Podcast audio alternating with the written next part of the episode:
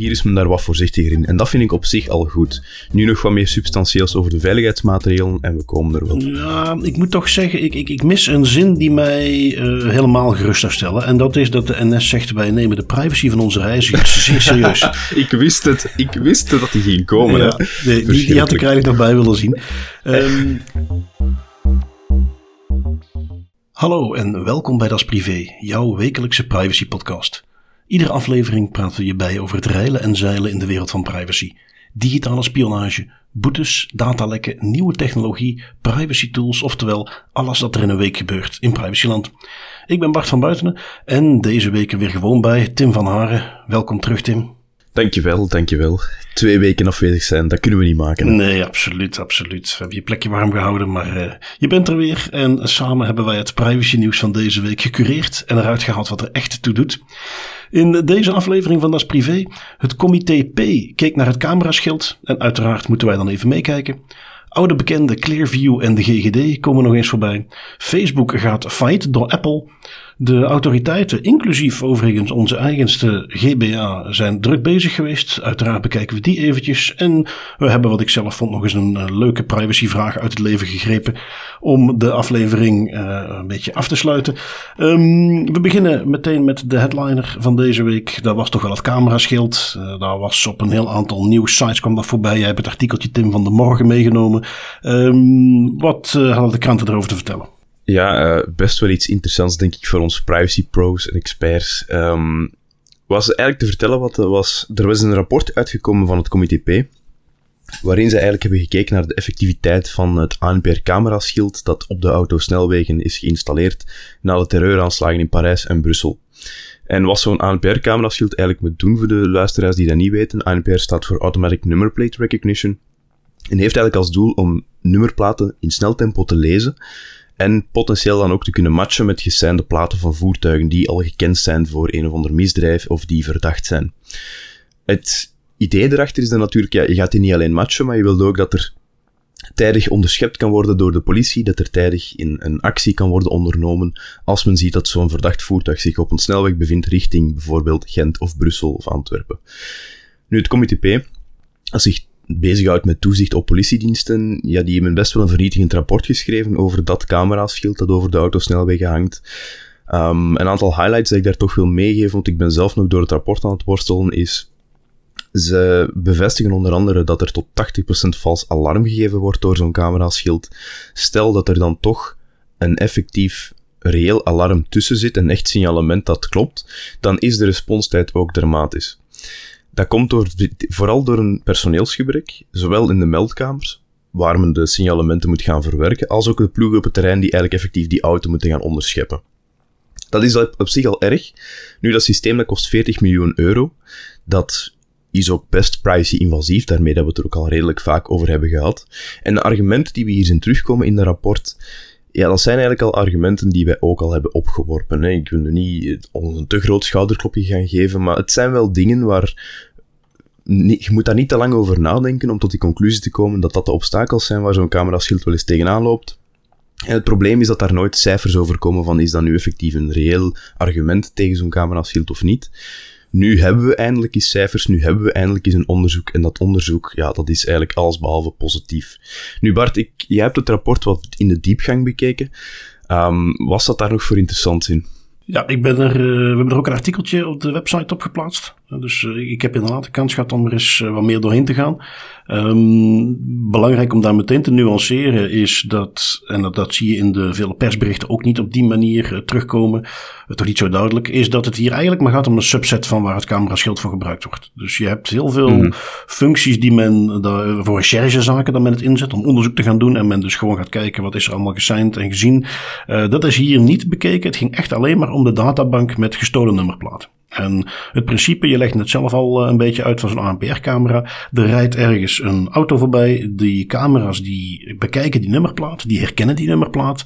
Um, die matchen die nummerplaat met een aantal databanken. Dit onderzoek keek dus alleen maar naar de match met de databank van gestolen nummerplaten. Um, ja, wat, jij zelf al benoemde, is iets wat dus inderdaad duidelijk uit het rapport blijkt. Dat systeem is uh, eigenlijk heel erg onbetrouwbaar. In, in, in echt de grote meerderheid van de gevallen um, herkent hij de nummerplaat verkeerd. Nu goed, dat is in het systeem voorzien in die zin dat een, een read, zoals het dan heet, uh, van het systeem.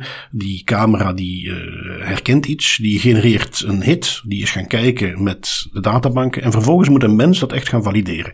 Dus het is niet zo dat er een ploeg op pad gestuurd zou kunnen worden op een, een hit die naar de rand helemaal verkeerd blijkt. Dat, dat gebeurt overigens nog steeds wel, uh, maar dan is het al omdat een mens het verkeerd bekeken heeft en dat is veel minder het geval.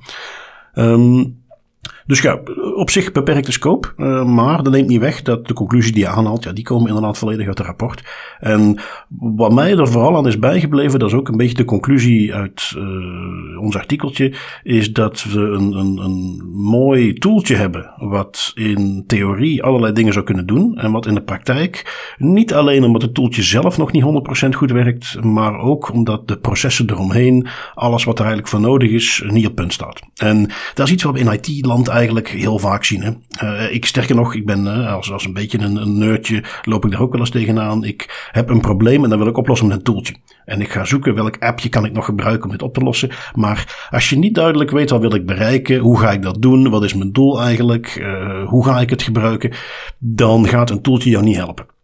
Ik denk bij mezelf altijd aan wat ik met to-do-listjes heb. Ik heb ieder to-do-appje al wel gebruikt.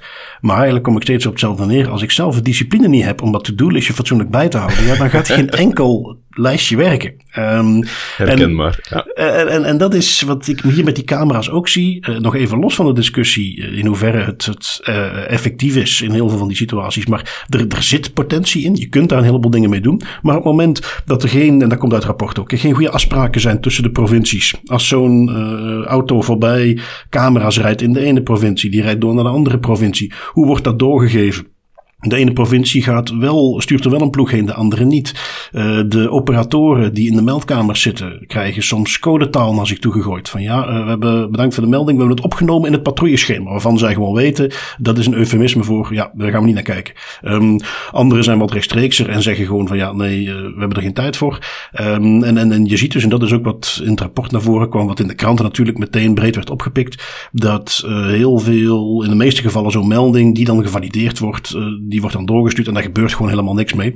Um, iets wat ik wel interessant vond, wat ik in het rapport voorbij zag komen en wat ik eigenlijk in heel veel persberichten ook helemaal niet zag staan, is nog een ander aspect. Dat is dat als zo'n melding binnenkomt bij een ploeg en ze zouden de tijd hebben en de zin hebben om naar te gaan kijken, dat ze er vaak tegenaan lopen dat ze ook helemaal niet weten, omdat er ontbreekt allerlei randinformatie. Er is gewoon, ah, dit is een hit, dus ik stoot nummerplaat, maar ze weten niet wat ze aan gaan treffen. Dat kan, waar ooit het cameraschild voor bedoeld is, eh, een terrorist zijn die zijn AK pakt en wild om zich heen begint te knallen. En dat kan iemand zijn, en dat gebeurt kennelijk nog vaker, uh, dat kan iemand zijn die zijn nummerplaat gestolen is, die nog niet de zin heeft gehad om een nieuwe aan te vragen, die gewoon een duplicaat heeft laten maken van de gestolen nummerplaat en daar zelf mee rond blijft rijden en dus overal hits zit te genereren.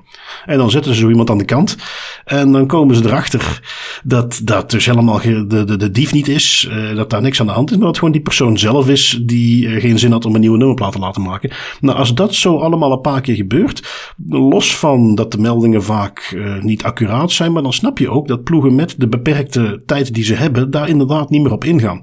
Nou, en dat zijn dingen, hoe mooi dat systeem ook in elkaar zit. Um, nog los van de discussie of het wel proportioneel is. Ja, dat personeelstekort en dan het gebrek aan vertrouwen in het systeem zorgt ervoor dat mensen er dus niks mee doen. Neemt niet weg, en daar eindigen we, maar dat is een beetje ons klassiekertje, daarom niet minder terecht, maar daar eindig ik het artikeltje ook mee. Wanneer gaan we nu eens kijken hoe ver willen we met dit soort systemen gaan? Wanneer gaan we nu eens proberen om op een beetje een objectieve manier proberen op te lijsten van kijk, als dit de voordelen zijn, dan is dit wat we daarvoor op moeten willen geven om dingen te verbeteren. En, en ik snap dat je daar niet een, een uh, exhaustief lijstje van kunt maken waarin je zegt van dit lijstje kunnen we er altijd langs leggen, maar dat er toch ergens op een bepaalde manier gekeken moet kunnen worden naar dit is wat we willen doen, dit is uiteindelijk wat het een, een privacy schending inhoudt, maar dat is niet absoluut, dat, dat kan als daar de juiste voordelen tegenover staan.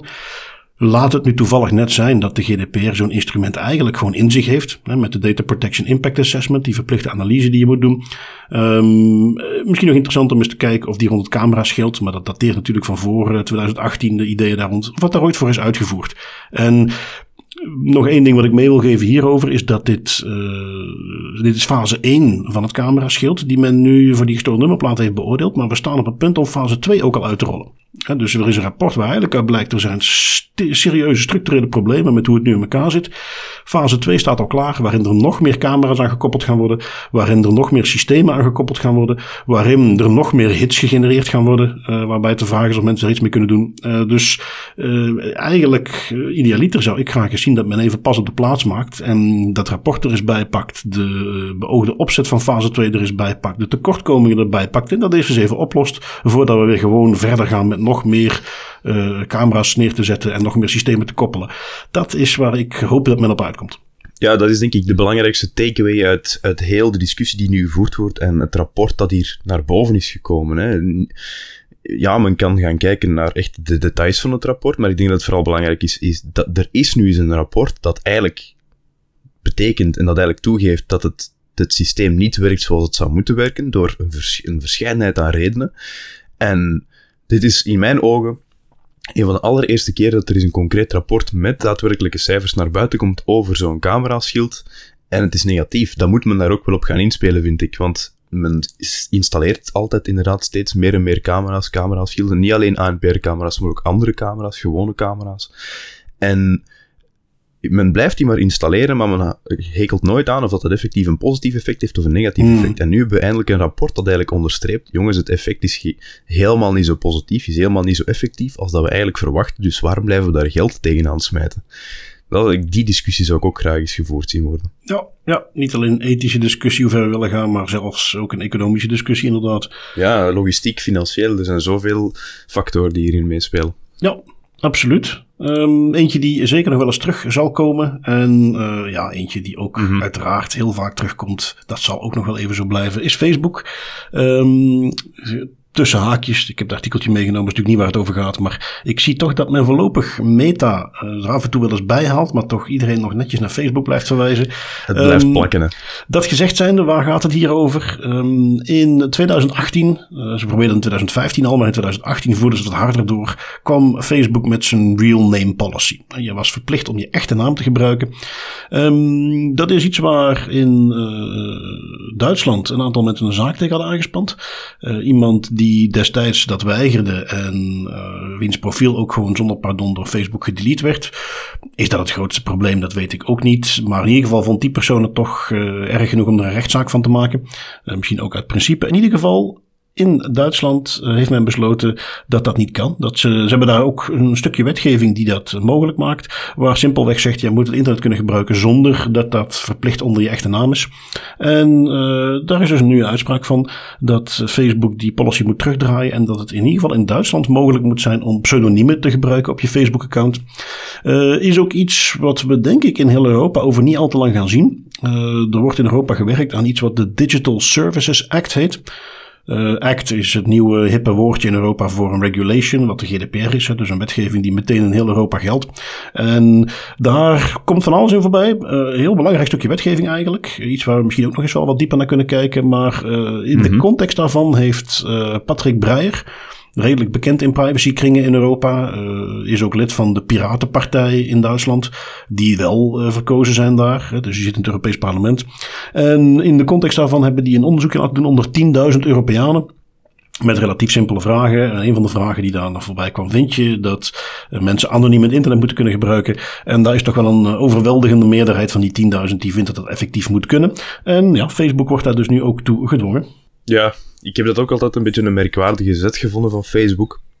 Vanuit hun businessprofiel kan ik het ergens wel snappen, maar uh, het, het, hele leuke aan het internet is dat je dat eigenlijk volledig anoniem kunt gebruiken. Behalve dan inderdaad een paar services zoals Facebook. En nu ook zie je dat bij YouTube bijvoorbeeld. Als je YouTube-filmpjes gaat bekijken, uh, en die zijn boven een bepaalde leeftijdscategorie, dan moet je je ook gaan identificeren met een identiteitskaart. Maar dat is dan meer leeftijdsverificatie dan echt identificatie. Maar ik, vind dat, ik heb altijd iets moois gevonden aan het internet, dat je dat volledig anoniem kan gebruiken. Dat heeft ook iets beschermends, dat is ook iets waardevol dat we niet zomaar mogen weggeven. Dus ik ben heel blij om te zien dat dat tenminste in Duitsland nu al beslist is, dat dat niet zomaar mag, dat je echt wel een pseudoniem moet kunnen gebruiken. En die Digital Service Act, ja, Uh, hopelijk komt hij er zo snel mogelijk door, want het is wel een heel cool stukje wetgeving. En grappig dat je dat ook zegt van die act, want ik heb echt het gevoel dat ze gewoon naar de Amerikaanse wetgeving hebben gekeken en dat volledig hebben gekopieerd, die naamgeving. Want daar heeft het, in Amerika is het zo dat een act, ja, dat, dat wordt daar constant gebruikt. Er zijn constant nieuwe acts die naar boven komen. En in Europa gaat men dat nu ook wat toepassen. Ik vind het wel cool. Ja, als we het dan goed overnemen, dan krijgen we dan voortaan ook allemaal van die leuke afkortingen voor die namen. Hè? In Amerika hebben ze er een handje van om uh, wetgeving qua naam zo te benoemen dat ze er een leuke afkorting van kunnen maken. Uh, vind Cloud Visa, om er twee te noemen, wat dan wel leuk is. Ja, maar Cloud Act, hè? Dat, is, uh, is toch wel een Inderdaad, mooie. dat is toch een bekende, hè? In ieder geval, uh, wat hebben wij nog meegenomen? Uh, Security.nl mag uiteraard niet ontbreken. Uh, deze heb yes. jij meegenomen. de NS, de Nederlandse Spoorwegen. Uh, toch al bekend van uh, wat toch al velen in privacyland herkennen met de OV-chipkaart, waarin je ineens overal moest gaan inchecken uh, om gebruik te kunnen maken van de treinen en, en dat daarmee dus ook een heel spoor ontstaat. En die denken van ja, dat is niet genoeg, we gaan nog een stapje verder. Ze gaan ook iets doen met de GPS-tracking. en wat dan precies? Ja, ja, binnenkort ga je inderdaad je OV-chipkaart niet meer moeten kunnen gebruiken, want er is nog een andere privacy-invasieve technologie die ze u voorstellen. En dat is inderdaad GPS-tracking om te betalen en om de trein te gebruiken. Het zijn de treinvervoerders NS, de Nederlandse, en Arriva, wat dat ik denk dat een, een Brits bedrijf is, of onderdeel van de Duitse baan.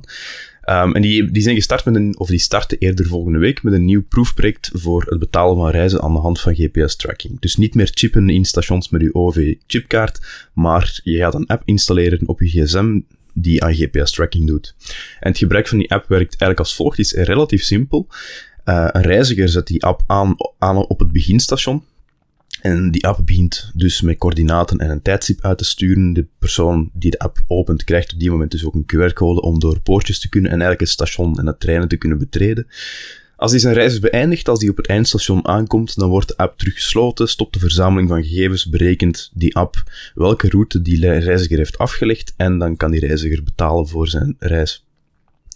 Verder vond ik in het artikel en in de documentatie er rond nog weinig info over veiligheidsmaatregelen, privacy by design by default, behalve een aantal mooie woorden. En dan moet ik wel toegeven over dit uh, proefproject. Als we het hebben over proefprojecten, zijn er in mijn ogen, en dat is misschien heel zwart-wit, maar er zijn twee manieren hoe dat, dat gepitcht kan worden. Ofwel wordt dat gepitcht als de end-all-be-all beste oplossing aller tijden, waar niks tegenop kan, gedaan met papier, kaartjes en chips. Vanaf nu is het enkel GPS-tracking. Of men gaat daar heel voorzichtig mee om en men zegt, ja, kijk, het is een proefproject, we zullen zien waar het eindigt. En dat moet ik hem wel nalaten. NS is hier voor de tweede optie gegaan een aantal quotes die ik nog heb meegenomen van programmadirecteur Bas van Welen, die onder andere zegt, ja, privacy is belangrijk bij dit plan en we zijn niet op zoek naar extra data waar we niks mee kunnen doen. En als het om, omarmd wordt door reizigers, dan kunnen we het misschien gaan uitbreiden, maar het blijft voor nu een eerste proef. Wat dat in sterk contrast staat met als we het even gaan terugkijken in de geschiedenis.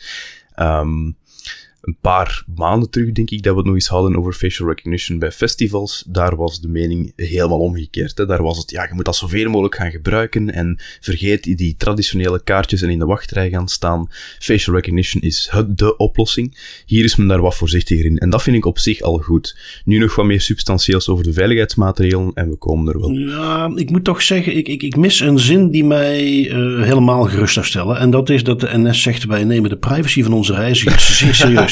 ik wist het. Ik wist het dat die ging komen. Ja, die, die, had ik eigenlijk nog bij willen zien. Um, ik, ik, ik moet wel zeggen, en ik heb me dat altijd afgevraagd bij zo'n systeem. Uh, ja goed, als een kaartje dan al niet meer genoeg is. Want dat, dat zou ik eigenlijk het liefst overal willen. Hè. Je kunt gewoon ja, ja, uh, ergens een kaartje kopen. Ik heb laatst ook nog eens een keer met de trein gereisd. Um, ik deed dat vroeger heel erg vaak, totdat dat eigenlijk ja, gewoon niet meer werkbaar was. Um, in ieder geval, ik heb nog eens een keer met de trein gereisd en ik kwam er dus achter, als ik dat via mijn telefoon wil doen, ja, dan moet ik een account aan gaan maken, moet ik mijn naam meegeven. Uh, terwijl, ja, wat is er mis met die app aan te maken op zo'n manier dat ik daar een ticket kan kopen, een QR-code krijg en that's it, waar niks van gegevens wordt bijgehaald. Ik moet gewoon betalen. Ik, ik, ik snap het nog steeds niet. Uh, zo werkte het vroeger toch ook. Ik kan gewoon naar een treinstation gaan, ook nu nog, als ik extra betaal.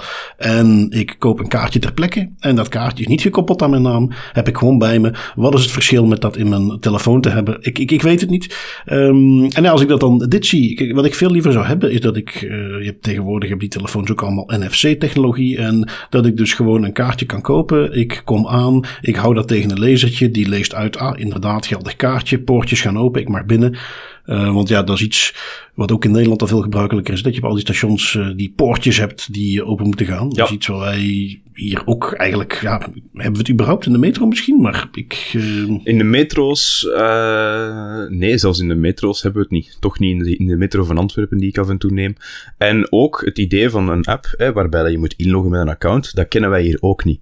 Dus de app, de NMBS-app die wij gebruiken, voor zover dat ik weet, toch, want het is even geleden dat ik de trein nog eens heb genomen, daar moet je ook geen account aan maken. Daar kan je gewoon een ticket kopen. Nee, nee, nee. Je moet, uh, je moet effectief, ik heb het dus nog geprobeerd, je moet effectief nu een account oh, aanmaken. Ja, oh, ja, wauw. Ja.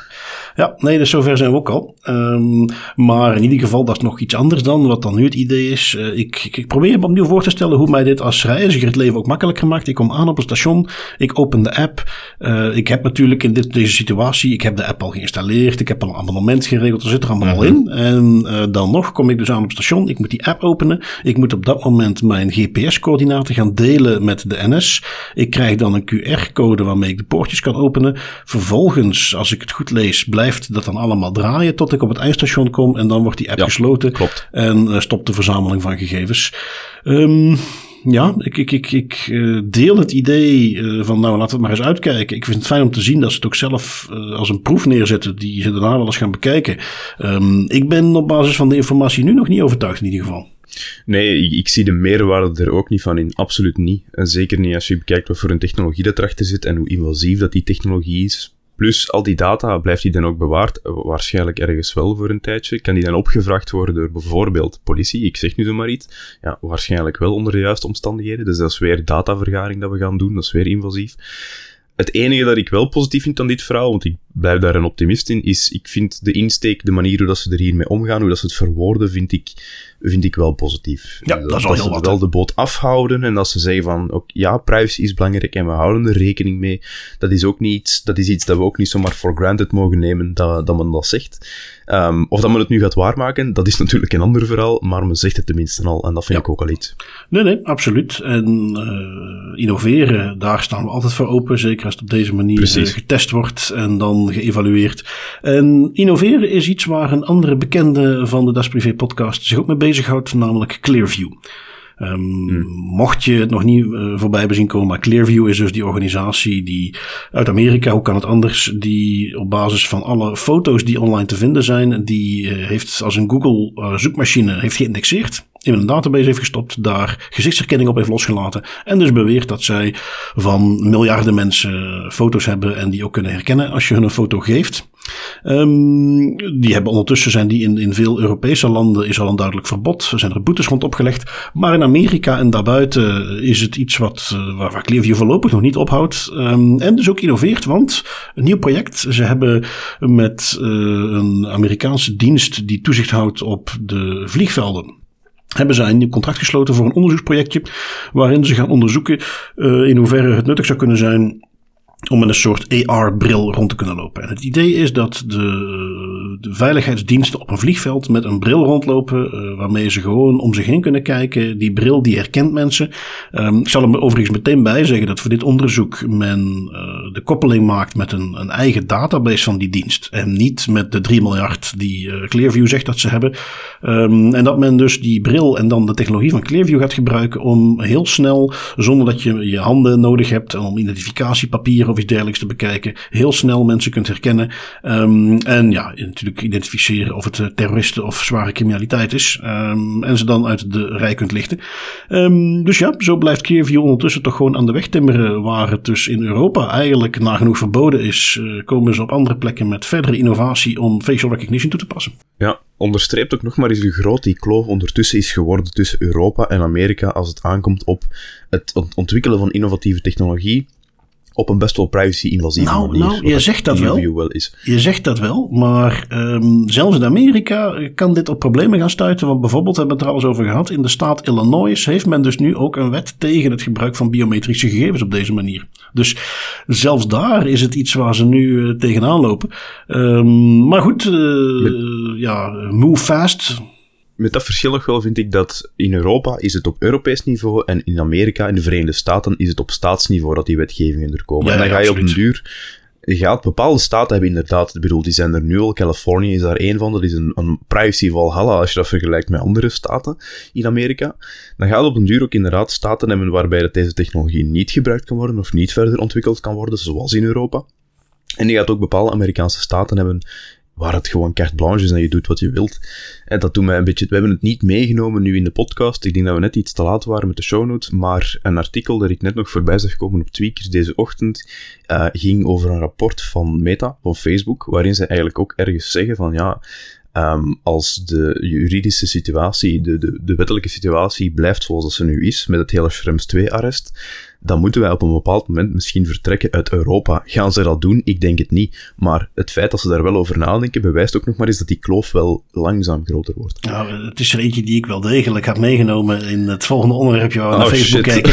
Ja, dat maakt niet uit. Um, maar we lopen voor op de feit. Dat is er eentje. Ik, ik, zag hem voorbij komen waar ik dus dacht van ja, nou, uh, doe maar Facebook, want dit hebben ze al eens eerder geroepen. Hè, toen er de vorige keer problemen waren. Uh, no way dat die dat echt gaan doen. Uh, we zijn niet de grootste markt, maar ik denk dat we met onze paar honderd miljoen inwoners toch echt nog wel een markt zijn waar Facebook uh, gewoon lekker actief gaat blijven. Absoluut. Um, dat ze op een gegeven moment een keer verboden worden in Europa, dat zou ik alleen maar van harte toejuichen natuurlijk. Daar heb ik dan weer helemaal geen problemen mee. Maar zover zijn we nog niet. Maar absoluut, die kloof uh, die groeit alleen maar. Al moet ik zeggen, dat is dan iets waar ik mijn optimisme eventjes loslaat. Ik meen in Amerika langzaamaan bewegingen te zien dat ze ook naar een federale privacywetgeving toe gaan. Um, okay. Maar ja, tegelijkertijd, als je ziet hoe inderdaad versnipperd het nu al is tussen die staten, zelfs al komt er zo'n federale privacywetgeving, heb je grote kans dat die de dingen te los moet doen om het, om het werkbaar te houden. Dus ja, dat is even de vraag. Um, nu goed, eh, voorlopig uh, oude bekende Clearview komt dus nog terug. En dan springen we meteen even door. Artikeltje van nu.nl wat jij hebt meegenomen naar een andere oude bekende. Het is wat dat betreft uh, bijna een soort flashback aflevering die je vaak ziet in seizoen 3 van lange series. Waarin ze eventjes allerlei dingen gaan oprakelen als ze inspiratie missen. Wij kunnen er ook niks aan doen. Maar Tim, je hebt hem meegenomen. De GGD is nog eens het nieuws. Ja, ja, inderdaad. Ik, ik weet niet hoe ze het blijven doen, maar de GGD blijft dus in de Das Privé podcast aan bod komen tegen willens en wetens in. Uh, deze keer ga ik het wel wat korter houden, want we snappen nu allemaal wel dat de GGD nu niet echt het beste kind van de klas is als het op privacy aankomt en op gegevensbescherming. Nu, de krant De Gelderlander in Nederland, die sprak voor de verandering nog met meerdere medewerkers van de GGD om daar nog eens wat gekke verhalen te gaan oprafelen. En er zijn er twee deprimerende die ik toch nog wel even wil meenemen. En een van de, van de punten die ze aanhalen was dat die GGD, um, ehm, dat een oud medewerker eerder van de GGD, tot anderhalve maand na uitdiensttraining, dus die was niet meer actief in de coronasystemen van de GGD, kon vanaf van thuis uit. Dat ik gewoon echt complete waanzin vind dat je anderhalve maand nadat iemand vertrekt bij een organisatie, dat die nog altijd in alle systemen die persoonsgegevens verwerken kunnen. Dat gaat in tegen elke maatregel die ooit is, is, uh, heeft plaatsgevonden. GGD merkte daar wel op dat de GGD-accounts normaal gezien worden stopgezet na uitdiensttraining, maar dat dat wel even kan duren. Nu, anderhalve maand is in mijn ogen niet even duren. Dat is, dat is veel te lang en daar is geen excuus voor. Het tweede puntje dat ik meenam, uh, dat ook merkwaardig is, dat is dat er tijdens een training voor een nieuwe, een training voor nieuwe medewerkers echte persoonsgegevens getoond werden van een vrouw uh, op klassikale basis. Waarom? Omdat de testingomgeving waar ze normaal gebruik van maken met fake data, die was niet beschikbaar. Dus dan hebben ze gewoon eigenlijk zomaar iemands dossier open en blootgelegd. Um, potentieel ook medewerkers trouwens die nog geen geheimhoudsverklaring hadden getekend, die nog geen VOG hadden ingediend en verklaring van goed zedelijk gedrag, hoe dat ze het ook in Nederland noemen. En dat is, dat is triestig, hè, want het is nu al bijna twee jaar lang sinds dat de hele coronacrisis is begonnen dat de GGD continu in de media komt als een organisatie die stelselmatig privacy niet op orde krijgt. En in het begin had ik daar nog sympathie voor, want ja, dat is een organisatie die heel snel moet schakelen, die moet heel snel van 0 naar 100 gaan met die hele crisis. Maar nu is het geduld wel op en heb ik zoiets van, ja jongens, kom aan, heb je het nu nog niet geleerd? Wel, uh, laten we zo waar eens uh, in de verdediging springen voor de GGD. Uh, om het eventjes proberen te kaderen. Um, en ik kan mij een paar dingen bedenken waar dit mee te maken heeft. eentje moet ik terugdenken. Je herinnert je nog aan het begin van deze fijne coronatijden. Dat Zoom ineens natuurlijk heel populair werd. En dat men daar eens oh, naar ging kijken wat de security problemen er eigenlijk mee waren. En dat haalde mm -hmm. de pers. Dat haalde de aandelenkoersen onderuit. Dat was groot in het nieuws. En op een gegeven moment bleef het maar komen. En toen kwam de volgende. En toen kwam de volgende. En ontstond het beeld dat de de security van Zoom eigenlijk uh, afschuwelijk slecht was. Nou, ondertussen, ik heb dat wat opgevolgd, uh, die hebben daar echt wel heel serieus werk van gemaakt. Um, dat, dat, dat, dat zit ondertussen echt goed in elkaar op zich qua security. Mm -hmm. um, maar die zaten dus eventjes in het oog van de storm, waarin het leek alsof het een waardeloos product was. Wat ik denk is dat dat niet slechter was dan andere soortgelijke producten, maar dat zij nu eenmaal in het vizier zaten en dat daar ineens veel meer mensen naar gingen kijken. En ik denk dat de GGD dat nu ook heeft. Um, dat is een organisatie, ja, die hebben natuurlijk ook, ze werken veel met gevoelige gegevens. Die, maar die zijn niet anders dan veel andere van dat soort organisaties. Uh, in de zorg of zelfs daarbuiten. Alleen ze lopen nu ontzettend in het vizier. Uh, een medewerker die denkt ik wil eens even natrappen. Ja, nu is het moment om naar de pers te stappen. Uh, de pers zelf zit er bovenop. Als jij aankomt met, um, ik noem maar wat, het uh, academisch ziekenhuis in Breda. En je bent daar een ex-medewerker en je komt met zoiets als dit naar de stem, de krant in Breda. Dan zeggen ze, ja nee, pff, interesseert ons niet, dat gebeurt overal. Kom jij met datzelfde verhaal, maar dan zeg je, ja het is van de GGD. Um, ja, dan ineens is het interessant en publiceren ze. Dus ik denk ook dat er nu extra aandacht voor is. Uh, neemt niet weg, los daarvan. Hè. De, dingen die wij daar gezien hebben, wij werken allebei al lang genoeg uh, in die sector. Uh, accounts niet dichtzetten als iemand uit dienst is getreden. Ehm, in een training gewoon het echte materiaal tonen in plaats van fictief materiaal. Dat, dat zijn echte klassiekers en dat is natuurlijk ook gewoon te voorkomen. Daar kunnen we helaas niks positiefs over zeggen. Nee, nee. En ik, ik, ik snap wel wat je wilt zeggen. En ik ga daar ook mee akkoord. Inderdaad, de GGD komt echt belachelijk veel in de media aan bod, terwijl het inderdaad bij andere organisaties niet altijd veel beter is en die komen dan niet aan bod. Dus op een duur krijg je inderdaad gewoon dat beeld van een GGD die zo wat met touw en spuug een organisatie in elkaar heeft geknutseld en dat lekt gewoon continu persoonsgevers. Dat zal het nu ook weer niet zijn. Maar wat het, waarom ik het elke keer meepak is omdat de GGD, um, ehm, hoe moet ik het zeggen, ze maken basisfouten. Ze maken fouten die eigenlijk stelselmatig niet zouden mogen gebeuren. En die na twee jaar nog altijd gebeuren, zeker nu dat ze ook in het vizier liggen van de AP, van de Autoriteit Persoonsgegevens, die volop in een onderzoek is. Dan zou je denken dat dit soort basisfouten toch aanzienlijk minder gemaakt worden. En dan is er ook niks dat in, in de media komt. Want als er niks is, dan kan er ook niks gemeld worden. Dus ik snap het aan de ene kant, maar aan de andere, andere kant vind ik het echt moeilijk om zo'n dingen te vergeven, omdat het hier niet gaat over zeer complexe materie en over zeer complexe situaties. Het gaat hier over basisfouten die gemaakt worden. Hè? Dingen die ook gemakkelijk geautomatiseerd kunnen worden. En dat, dat, dat is het enige dat ik daar jammer aan vind. Als er een boodschap moet zijn uit het hele, de hele GGD-saga, dan is het wel dat er heel veel quick wins zijn die te behalen zijn in security en in gegevensbescherming. En dat je daar al heel veel mee bereikt als je die kleine, simpele stappen zet. Ja, ja, ja, ja, ja absoluut. Uh, eigenlijk, toen dit de eerste keer al gebeurde, hadden ze daar, om er maar eens een leuk woordje voor te gebruiken, een taskforce op moeten zetten. Waarin ze gewoon in een, met een groepje ja. van, weet ik veel, vijf mensen, al die GGD's afgaan en al de, de basic dingen er eens uithalen, in kaart brengen en zorgen dat die opgelost worden. Nu goed, misschien komt dat er nog van. Um, Mm, even zien, wat hadden we nog? Met dat ik hem hier zo zie staan, hadden we misschien net ook gewoon mee kunnen nemen. Maar goed, uh, Facebook twee keer nooit iets mis mee. Uh, want Facebook haalde ook het nieuws met uh, iets anders dan dat gedoe rond pseudoniemen. Um, Mac Rumors, maar heel veel andere publicaties hadden dat ook. Um, Facebook maakte namelijk cijfers bekend. Um, nou, als Facebook cijfers bekend maakt, dan zitten daar heel veel mensen aandachtig te luisteren.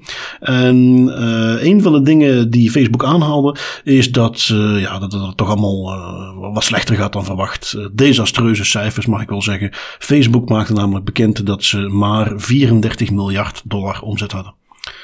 Ja, uh, aan de bedelstaf natuurlijk. Um, ze gaven ook aan dat ze verwachten dat er nog een mindere periode aankomt. Um, en grappig genoeg is dat ze daarbij vooral, misschien uit wanhoop beginnen ze een beetje wild om zich heen te slaan, verwijzen naar Apple.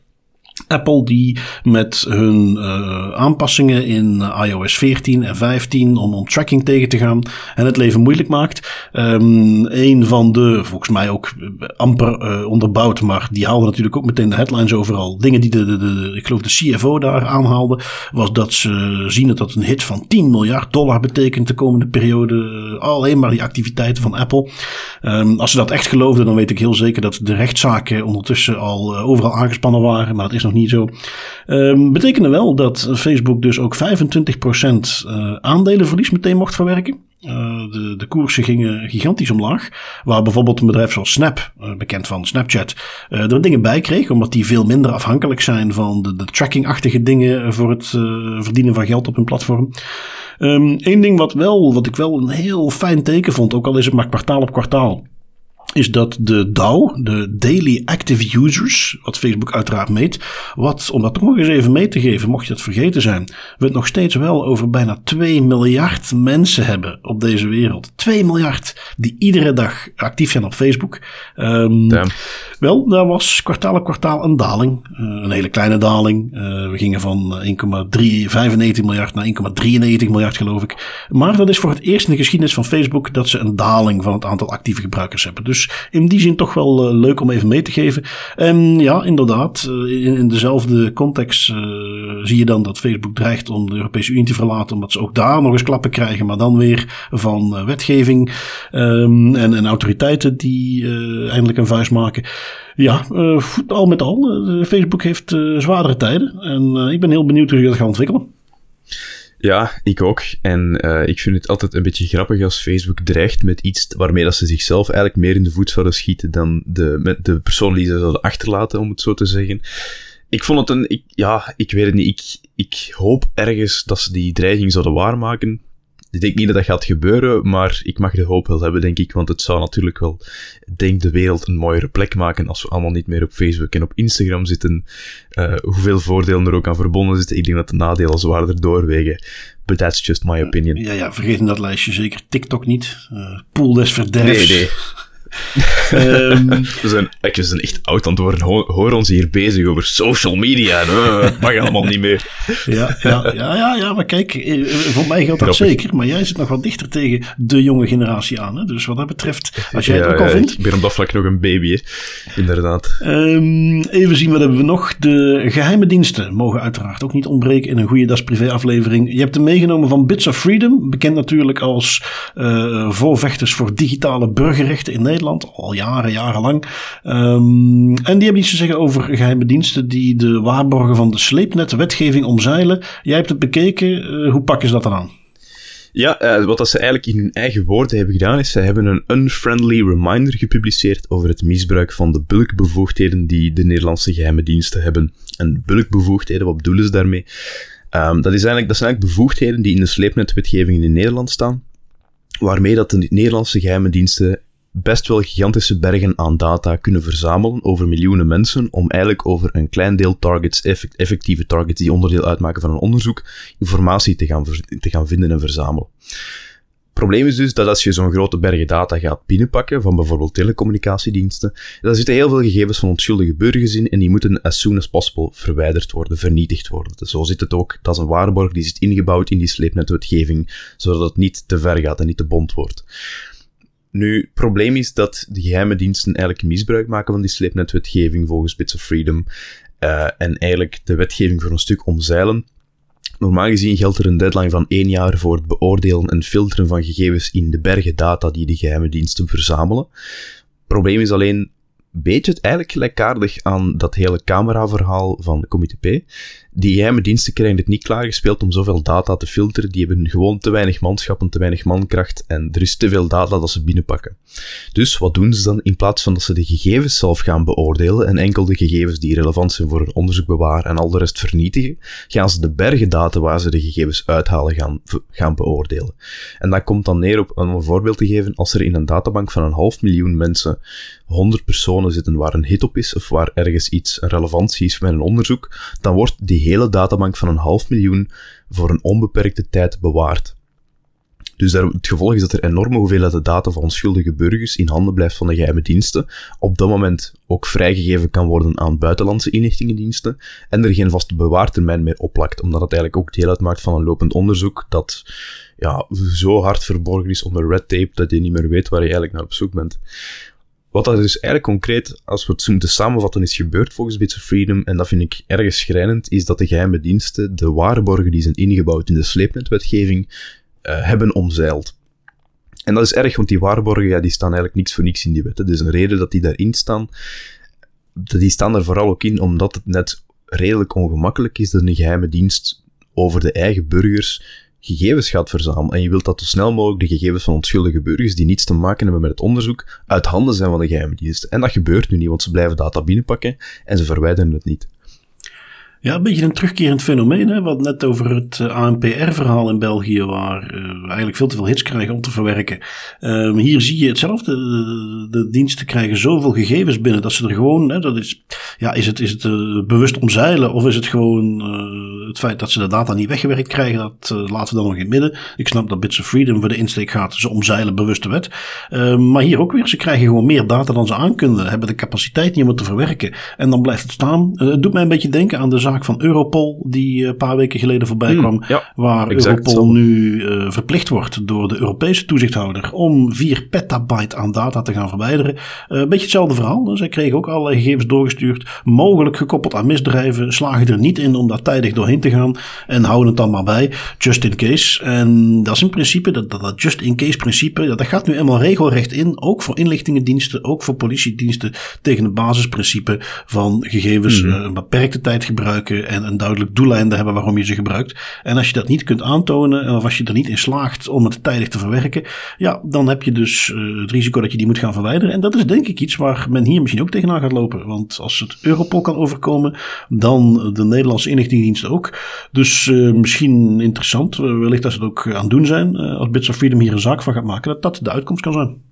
Ja, of dat er een rechtszaak al aangespannen wordt, dat weet ik niet. Ik weet wel dat de, de sleepnetwetgevingen die eigenlijk in 2017 werd geschreven in Nederland, dat die denk ik, als ik me niet vergis, toe is aan een vernieuwing. Of dat er een, een, wetsvoorstel is om daar nieuwe dingen in te gaan steken. Uh, en daar dat haalde Bits of Freedom ook aan als een opportuniteit van, kijk, we hebben nu eigenlijk bewijs dat die geheime diensten, of als het nu echt met kwade wil doen of niet, ja, dat, dat zullen we tussen het midden laten, maar ze omzeilen de wetgeving wel, dat is een realiteit.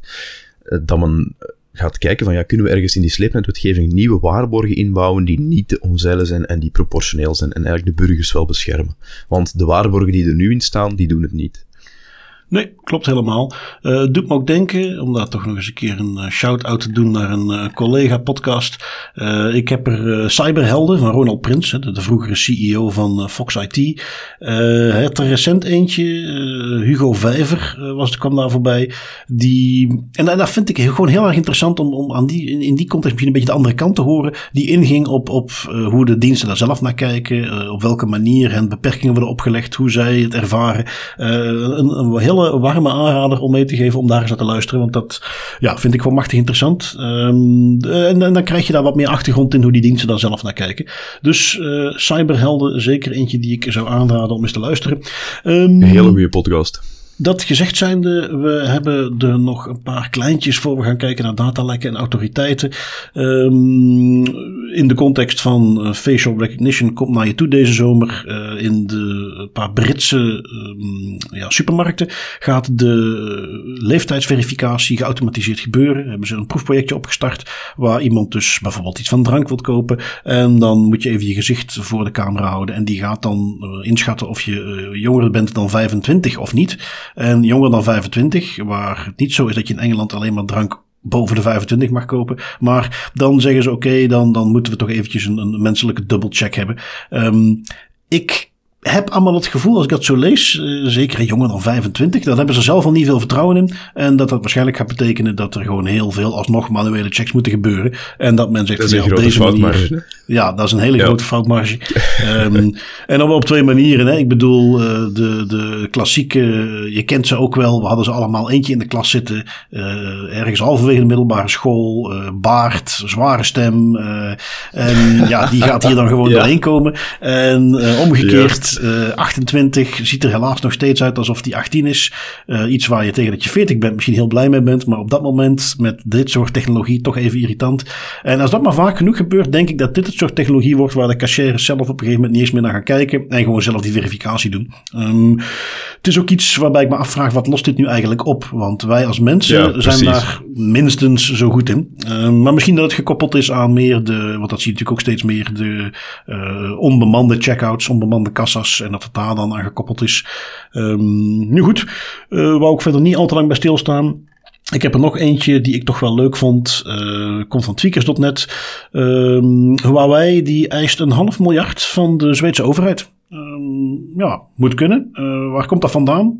Zweden is een van de landen die wat uh, strenger is omgegaan met de aanbevelingen die her en der al circuleren, ook vanuit Amerika. En die hebben simpelweg gezegd: uh, alles met ons 5G-netwerk, daar komt Huawei niet binnen. Um, nou, Huawei wint dat onterechte concurrentie, zegt dat ze daar toch zeker een half miljoen aan inkomsten mee verliezen. En daar hebben ze dus nu een rechtszaak over aangespannen. En daarmee hopen ze een half miljard binnen te halen. Dat is, uh, dat is een beetje bizar, moet ik wel toegeven. En, en wel balzy van Huawei dat ze dat hier proberen om een half miljard toch op die manier te gaan cashen van Zweden. Voor apparatuur waarvan al bewezen is dat die eigenlijk niet zo veilig is. Ja, nee, inderdaad. En, en goed, het is, oh, oh, er zit natuurlijk ook een bepaald PR-gehalte in. Het feit dat je zo'n zaak aanspant is iets wat uh, al waarde heeft. Uh, het deed me denken aan iets wat ik uh, voorbij zag komen, wat ik niet interessant genoeg zag, vond om, om er een apart item van te maken. Maar Xiaomi, nog zo'n Chinees merk van telefoons, die wel hmm. in de podcast voorbij kwam een tijdje terug toen de Litouwse veiligheidsdiensten daar hadden bekeken en zagen dat daar alle censuurlijsten bijvoorbeeld ingebouwd waren. Ja. Um, die hebben nu een eh, GDPR-certificaat gehaald. En daar pakken ze mee uit. Uh, ook wat nieuwsberichtjes. Uh, Trustee, een deelbedrijfje van TrustArc. als je ooit op een website bent geweest en je krijgt daar uiteraard zo'n cookie pop-up. En als je accepteert, gaat het meteen door. Maar als je niet accepteert, komt er zo'n klein draaiend cirkeltje. Waar je dan zo 20, 30 seconden moet wachten voor zogenaamd jouw keuze verwerkt is. Wel, dat is TrustArc. Mm. daar ken ik ze van. Wel, en die hebben dus nu ook een certificaat. En ja, Xiaomi heeft dus het, het GDPR certificaat gekregen. Iets wat geen officieel Europees erkend ding is. Het is gewoon trustee die zegt wel wij verklaren dat jij je aan de GDPR houdt. En uh, ja, dus daar pakten ze mee uit van kijk wij zijn privacy helemaal in orde. Geen enkel probleem. Kijk maar hier is het certificaat van trustee. Het doet mij doet mij een klein beetje denken aan die uh, slecht gekropte PNG's of JPEGs van zo GDPR Certified, die op sommige Amerikaanse websites nog kan terugzien oh, komen. In, rond 2018 waren er heel veel websites dat dat eigenlijk daarop hadden geplakt. Nu zie ik dat veel minder in het wild, maar op Amerikaanse websites zie ik het af en toe toch terugkomen. Ja, ja, en ik denk altijd van, ja, oké, okay, mensen die er geen, mensen die niet in, in dat wereldje zitten, die ga je misschien nog wel kunnen foppen, maar iedereen die ook maar iets kent van privacy weet dat dat zo'n zo'n afbeelding zegt heel weinig. Uh, wat kan er nu mis zijn met een Chinees bedrijf dat telefoons maakt, dat gecertificeerd wordt door een Amerikaans bedrijf dat ze GDPR-proof zijn? Nou, dat moet wel goed zitten. Zo minst ehm, gezegd ironisch, hè? Ja, toch een tikkeltje. Um, toch een beetje. Kijken we door naar de datalekken. Um, ik, uh, er, gebeurt wat dat betreft, moet ik trouwens zeggen. De vorige keer, uh, toen de aflevering met Peter deed, uh, was er ook redelijk weinig. Um, ja, misschien positief. Misschien dat kranten gewoon zeggen van ja, we hebben het nou wel gehad die datalekken. we wachten tot er nog eens een keer echt iets spannends komt. Wel, daar vond ik deze ondervallen. ook een beetje voortbordurend op het stukje rond China. Want de Wall Street Journal, of precies te zijn de Newsgroup entiteit waar zij onder vallen, die nog heel veel andere publicaties heeft, die kwamen naar buiten. De Wall Street Journal is namelijk slachtoffer geworden van een hack zelf. En ja, wat doe je als je als krant slachtoffer bent geworden van een hack? Ja, dan ga je dat natuurlijk uitmelken om daar zoveel mogelijk artikelen over te schrijven over wat er gebeurd is en hoe je het hebt aangepakt. Um, wat niet wegneemt dat er heel wat interessante informatie dan uitkomt. Um, het komt uiteindelijk neer en het is wel uh, Mandiant hebben ze ingeschakeld in, in Securityland, een hele bekende Amerikaanse mm. firma die dit soort onderzoeken vaak doet, die redelijk duidelijk toegeven, uh, wij denken dat dit uit China komt. Um, waarbij ze dan hebben gekeken van ja, wat hebben ze gedaan, waar hebben ze naar gekeken. Uh, blijkt dat men al sinds februari 2020 binnen zat.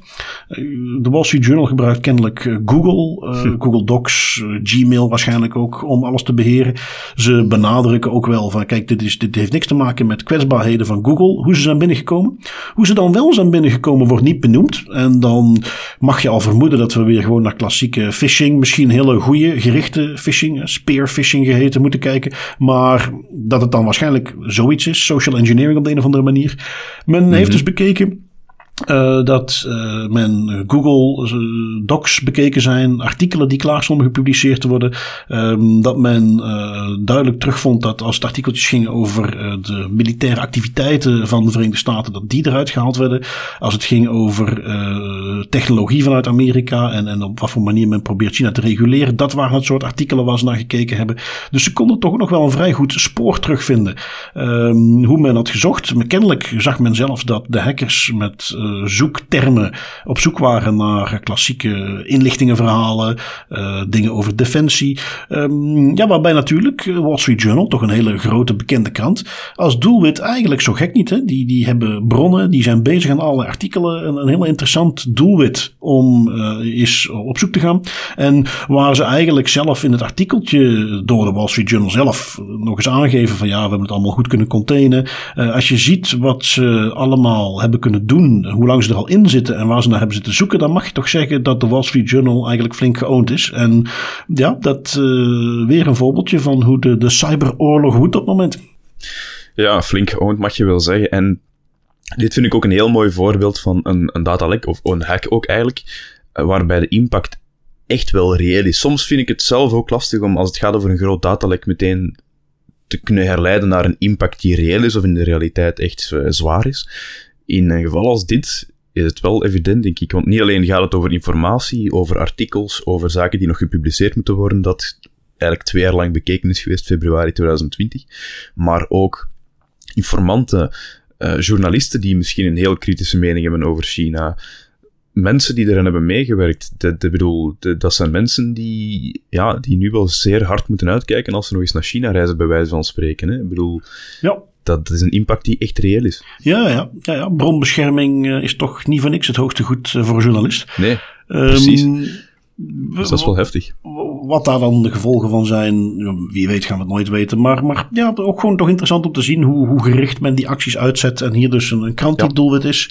Um, en hoe men het ja. wel kan attribueren. Hè? Dat, dat vind ik ook altijd wel interessant. Want dat is niet echt, dat is niet e altijd even gemakkelijk en evident. En dat men het toch met zoveel zekerheid kan zeggen, vind ik wel Vind ik wel interessant. Ja, maar kijk, op het moment dat je ziet dat men, als je kunt achterhalen wat ze bekeken hebben. En ze zijn op zoek naar ja, dingen die true. gaan over regulering van uh, US technology tegenover China. Informatie over Taiwan, de Oeigoeren.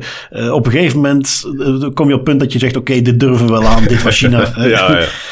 um, Iran zal het niet zijn op die moment. Nee, nee. nee precies. um, even kijken, dan zijn we toe aan onze autoriteiten. You will. Um, en de eerste die we de revue laten passeren is de Griekse autoriteit. En die heeft flink toegeslagen. Die heeft uh, in totaal bijna, nee zelfs meer dan 10 miljoen uh, euro boetes opgelegd. Um, nee, dat is de dollarbedragen. Okay. Net geen 10 miljoen in euro's. Um, waar ging het over? Ja, telecommunicatiebedrijf. die toch behoorlijk gepakt zijn ook weer. Uh, dit ging over een sanctie die ze kregen na aanleiding van slechte beveiliging. En ja, dat, dat was toch wel redelijk slecht, inderdaad. Uh, bedoel, we hebben het over een telecomorganisatie. En de, de hacker die kennelijk binnenkwam, heeft een klassieke social engineering gedaan. Oftewel, die heeft iemand om de tuin geleid. Uh, kennelijk gebeurde dat via LinkedIn. Waarin men dan vervolgens toegang kon krijgen tot de accountgegevens van die persoon. En vervolgens met die gegevens tot meer dan 48 gigabyte aan data heeft kunnen buitmaken. Um, data, als we het hebben over een telecomoperator, je kunt voorstellen dat kan meteen gevoelig zijn. Uh, het ging over uh, bijna 5 miljoen unieke gebruikers van uh, Cosmote, zoals ze dan heten. en hun locatiegegevens. Dat is niet GPS-coördinaten, dat is iets ruwer in de context van telecom. Maar toch, van mm. 5 miljoen mensen positiegegevens. Um, gegevens zoals leeftijd, geslacht, het type abonnement dat ze hadden. Um, de e-mail, inziennummers van een heleboel telefoons. Um, ja, goed, een heleboel dingen. en waarbij de autoriteit met zijn onderzoek erachter kwam dat ze daar eigenlijk uh, ja, gewoon heel slecht op gereageerd hadden. En ja, goed, alles bij elkaar. Dus een boete van uh, bijna 10 miljoen euro. Waarbij ook de Griekse autoriteit, denk ik, een recordje binnenhaalt. Ja, en best wel atypisch dat die Griekse autoriteit zo actief is en zo'n grote boetes uitdeelt is niet uh, de meest frequente die aan bod komt hier. Nee, nee, nee. Maar goed, misschien uh, die kijken ook wel eens om zich heen. Denken van ja, als uh, zelfs Malta boetes uit gaat delen. Die hadden we de vorige week erbij. kunnen we niet dan kunnen we niet achterblijven. um, even zien, wat hebben we nog? eentje die toch wel een beetje opschudding veroorzaakte. In navolging van Google Analytics. Wat niet mag. Hadden we er nu eentje uit Duitsland. Je hebt hem meegenomen, security.nl. Iets met Google Fonts. Ja, the war on Google is on. Er is een Duitse rechtbank en die heeft een Duitse website veroordeeld voor het doorgeven van het IP-adres van een bezoeker aan Google zonder geldige rechtsgrond. Nu, wat was er gebeurd? Dat was een website en die maakte gebruik van Google Fonts. En Google Fonts is een manier die Google aanbiedt om allerlei verschillende fonts en lettertypes te gaan gebruiken op je website. Uh, en daar bestaan twee versies van. Er is een statische versie waarbij je zelf de fonds gaat hosten en er geen verkeer is naar Google. En er is een dynamische versie waar deze website gebruik van maakten. En daar worden de fonds vanaf Google Service rechtstreeks gedownload en is er dus wel een uitwisseling van het IP-adres van de gebruiker naar Google, dat uiteraard dan ook gebruikt gaat worden voor andere doeleinden, want het is Google. Nu, een IP-adres is in, ja, in, in het context van de GDPR-wetgeving een persoonsgegeven. En dat zomaar zonder toestemming of andere geldige rechtsgrond, maar in dit geval was het toestemming, doorsturen naar Google, ja, dat mag dus niet. Nu, het interessante, los van het feit dat het Google Fonds is en dat Google Fonds iets is dat wel wijdverspreid gebruikt wordt in Duitsland en in Europa, wat hier vooral ook interessant aan was, is dat Duitse rechtbank de website, of de eigenaar van de website, eigenlijk heeft verplicht om een schadevergoeding van 100 euro te betalen aan één slachtoffer, het slachtoffer dat een klacht indiende, wegens individueel ongemak. En dat is, als die beslissing standhoudt, is dat in mijn ogen wel best een heavy statement. Want ja, dat opent natuurlijk deuren voor heel veel schadevergoedingen voor individueel ongemak. Want er zijn heel veel websites in Duitsland die gebruik maken van Google Fonts op hun dynamische manier en eigenlijk op die manier de Duitse implementatie van de GDPR-wetgeving overtreden. Dus ik vind het, de manier waarop ze hier individueel ongemak hebben gedefinieerd en geclassificeerd, vind ik heel interessant. Ja, ze, ze Iets wat we in de GDPR wel kennen, het feit dat je immateriële schade kunt leiden door schending van je privacy. Eh, en dat je daar recht hebt op schadevergoeding. Mondjesmaat zien we dat terugkomen. Hè? We hebben het uh, in België nog niet gezien, maar in Nederland en dus nu Duitsland uh, wel. En ja, weer een voorbeeldje van Google die ondertussen toch inderdaad zwaar onder vuur ligt. In, in een beetje dezelfde lijn hadden we ook een uitspraak van de Belgische autoriteit, de GBA, die IAB een boete heeft gegeven van 250.000 euro. Eh, IAB Europa om precies te zijn. En uh, ja, in de advertentiewereld heel bekend. Een soort lobbyorganisatie die in, in deze situatie een zaak aan zijn been kreeg vanwege iets wat zij ontwikkeld hebben. Een, een soort framework voor cookie pop-ups. En 80% van de websites gebruikt hun framework. Je, of je het nu weet of niet, maar op heel veel websites waar je komt zie je dus cookie banners die op hun framework gebaseerd zijn. En een van de dingen waar je ze misschien aan herkent, uh, daar vallen ze mij altijd mee op, is dat daar, uh, je kunt aan de ene kant toestemming geven om dingen wel of niet te delen. En dan heb je altijd zo'n extra tapje waar ze dan gerechtvaardigd belang of legitimate interest zeggen. En dan heb je daar een hele lijst met partners die toch nog gegevens krijgen, ook al geef je geen toestemming. Um, nou, met dat framework, waarbij zij altijd zeiden van ja, maar wij hebben gewoon maar het, het, het framework bedacht, de echte implementatie, het feit dat je het op je website zet en hoe je het gebruikt, daar zitten wij niet tussen. Um, zonder hier helemaal in detail te gaan over die zaak zelf. Um, komt het erop neer dat de GBA heeft besloten van nee, jullie zijn wel degelijk verantwoordelijk voor de manier hoe dit wordt ingezet, want jullie stellen de richtlijnen op. Je kunt je er niet van afmaken door te zeggen wij doen de implementatie niet. Je hebt daar een gedeelde verantwoordelijkheid. Jullie zitten er dus zeker wel tussen. Um, betekent dat ze dat moeten gaan aanpassen, dat ze alle data die hiermee verzameld is moeten gaan verwijderen. Uh, en dat ze dus ook een boete hebben gekregen, 250.000 euro. Lijkt niet veel, uh, maar als je weet dat IAB Europa eigenlijk maar, die hebben alleen maar de licentie genomen op de namen van IAB uit Amerika, wat een heel grote organisatie is. Um, dat zij in 2020 een omzet hadden van uh, een kleine 2,5 miljoen. Ja, dan is dit gewoon 10% van hun omzet uit 2020. En uh, dat kan tellen. De, de, GBA gaf er wel mee dat ze zien dat er ook een hele grote stijging is van deelnemers aan dat framework. En dat ze dus in 2021 waarschijnlijk veel meer geld hebben binnengehaald. dus dat ze, en, en, dat ze het gewoon een gepaste boete vonden. dat is een een besluit, een beslissing van 140 pagina's. Dus we vatten hem nu uiteraard eventjes heel kort samen. Maar uh, toch ook wel iets wat voor opschudding zorgde uh, in privacyland. En, en waar we hopelijk dat het, het echte tastbare effect voor de doorsnee burger gaat zijn. Dat die, een heel groot deel van die ellendige pop-ups of veel vriendelijker worden. In de zin dat je ze met één klikje gewoon kunt wegklikken en je toestemming kunt intrekken. En op die manier dat de aardindustrie gaat beseffen het consentmodel moet stoppen. We gaan iets anders moeten verzinnen want mensen geven geen toestemming. Um, en ja, de, wat de toekomst brengt uh, met cookie pop-ups, ik, ik, hoop dat het effect heeft. In ieder geval eentje waar de Belgische autoriteit zich weer even mee op de kaart gezet heeft. Um, als ik verder kijk, hebben wij er nog eentje uit Hamburg. Um, jij hebt hem uh, meegegeven als uh, onderbroekenlol in Hamburg. Nu ben ik toch heel benieuwd wat die over gaat. ja, de, de Hamburgse autoriteit heeft denk ik de gekste inspectie ooit achter de rug. Uh, ze hebben onderzoek gedaan bij een bedrijf dat een online marktplaats exploiteert voor gedragen ondergoed. Ja, natuurlijk ieder zijn eigen kinks. Ik ga niet kinks shaven, maar dat is wel een klein beetje bizar. En op het platform uh, kunnen gebruikers dus foto's posten van hun gedragen ondergoed, meestal getrokken met smartphones. van, ja, van die onderbroeken die in aanbieding staan, die je dan kan kopen voor ik weet niet hoeveel euro. En het probleem waar de Hamburgse autoriteit op stoten, is dat die camera-apps naast het beeld ook vaak standaard extra info opslaan in het totale beeldbestand, dat dan wordt geüpload naar het platform. En op basis van die extra info is een vrij precieze lokalisatie vaak wel mogelijk. In de metadata eigenlijk. Nu, het bedrijf had die data had de foto's totaal niet opgeschoond, had die gewoon zo één op één online gezet. En zo was het dus mogelijk om de locaties van 760 vrouwen bloot te stellen.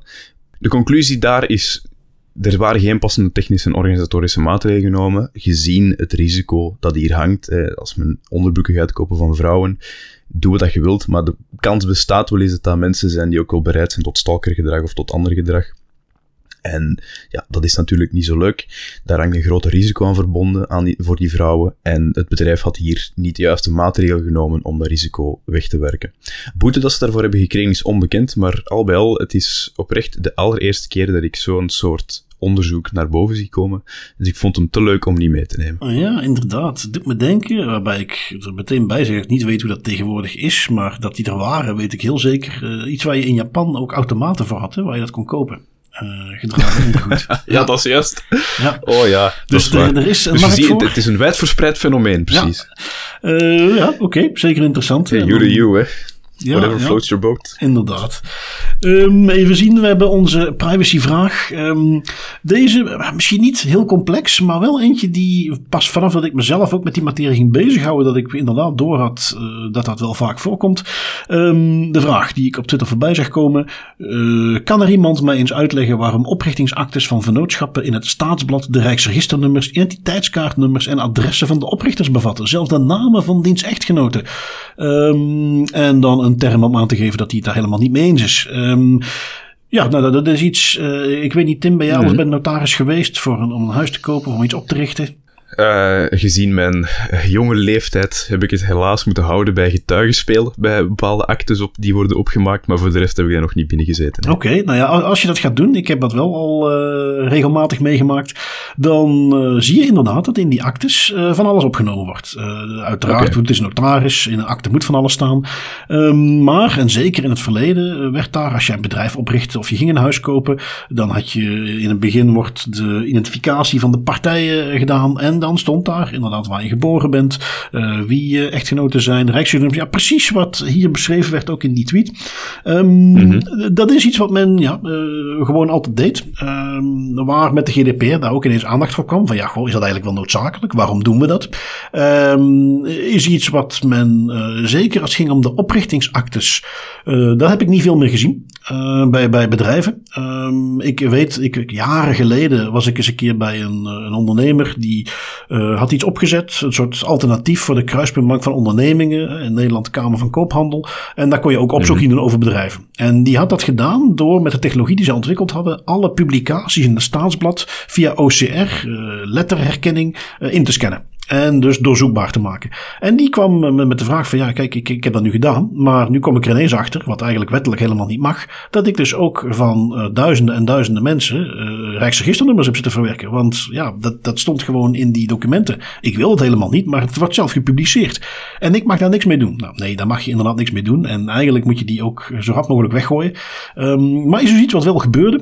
Um, rijksregisternummers zelf, iets, iets ja, wat dus niet zoveel meer voorkomt. Maar ik weet toen ik ondertussen alweer een paar jaar geleden, maar nog een, een huis kocht, maar zeker al jaren na de GDPR, dat ik die acte zat te bekijken en uh, dat daar inderdaad ook een heel stuk historiek weer in zat. Uh, ook over, ja, een stukje over mezelf. Uh, waarbij ik in ieder geval tegen die mm -hmm. notaris zei van, hé, hey, wat is dit? En, en toen viel me op, want als je bij de notaris zit, wat ze altijd doen, ze overlopen heel de akte met jou, gaan daar redelijk snel doorheen. En daar stond daar ergens ook een zinnetje in die akte van, na heel die geschiedenis en bij deze geven de partijen toestemming voor het opnemen van deze gegevens.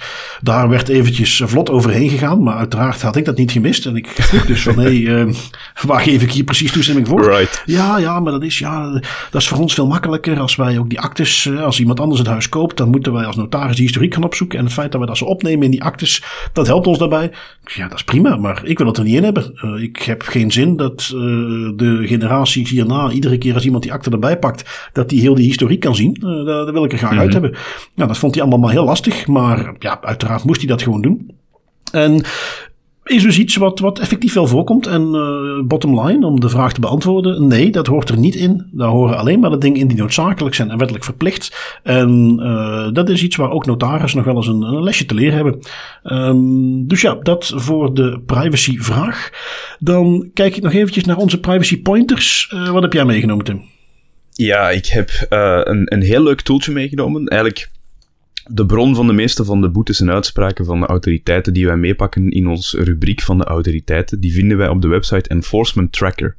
Uh, dat is een hele leuke website, heel overzichtelijk. Echt een mooie tabel met alle lijsten en alle boetes en alles uh, dat we eigenlijk zouden moeten weten. Ook altijd een korte beschrijving van waar het over gaat. Altijd heel handig. En die hebben nu ook een appje gebouwd. Helaas voor de mensen die een Android gebruiken of die recent zijn overgestapt na het lezen van ons artikel over de privacy smartphone naar Graphene OS. Het is niet voor jullie. Het is enkel voor de mensen die iOS gebruiken, die een, een Apple iPhone gebruiken. Maar die Enforcement Tracker app, die kan je dus nu vinden. En op die manier heb je nu de hele lijst van boetes en de boetes die nog gaan komen, want die wordt eigenlijk dagelijks geüpdate, in elke broekzak. En dat vind ik best wel een hele coole app. Ja, ja, inderdaad. Dat is een website waar we vaak naar gaan kijken. Ze staan er niet allemaal op trouwens. Eh, dat is, een, is gemaakt door een advocatenkantoor. Die houden dat zo goed en zo kwaad als ze kunnen bij.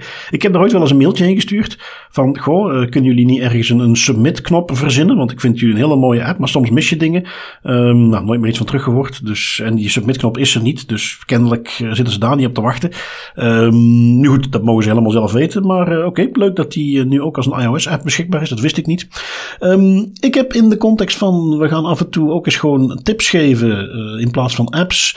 Ik heb er eentje die wat aansluit op het onderwerp waar we net in die privacyvraag beantwoord hebben. Um, en, en dat is eigenlijk iets, iets heel simpels, maar tegelijkertijd iets wat volgens mij veel meer mensen mogen doen.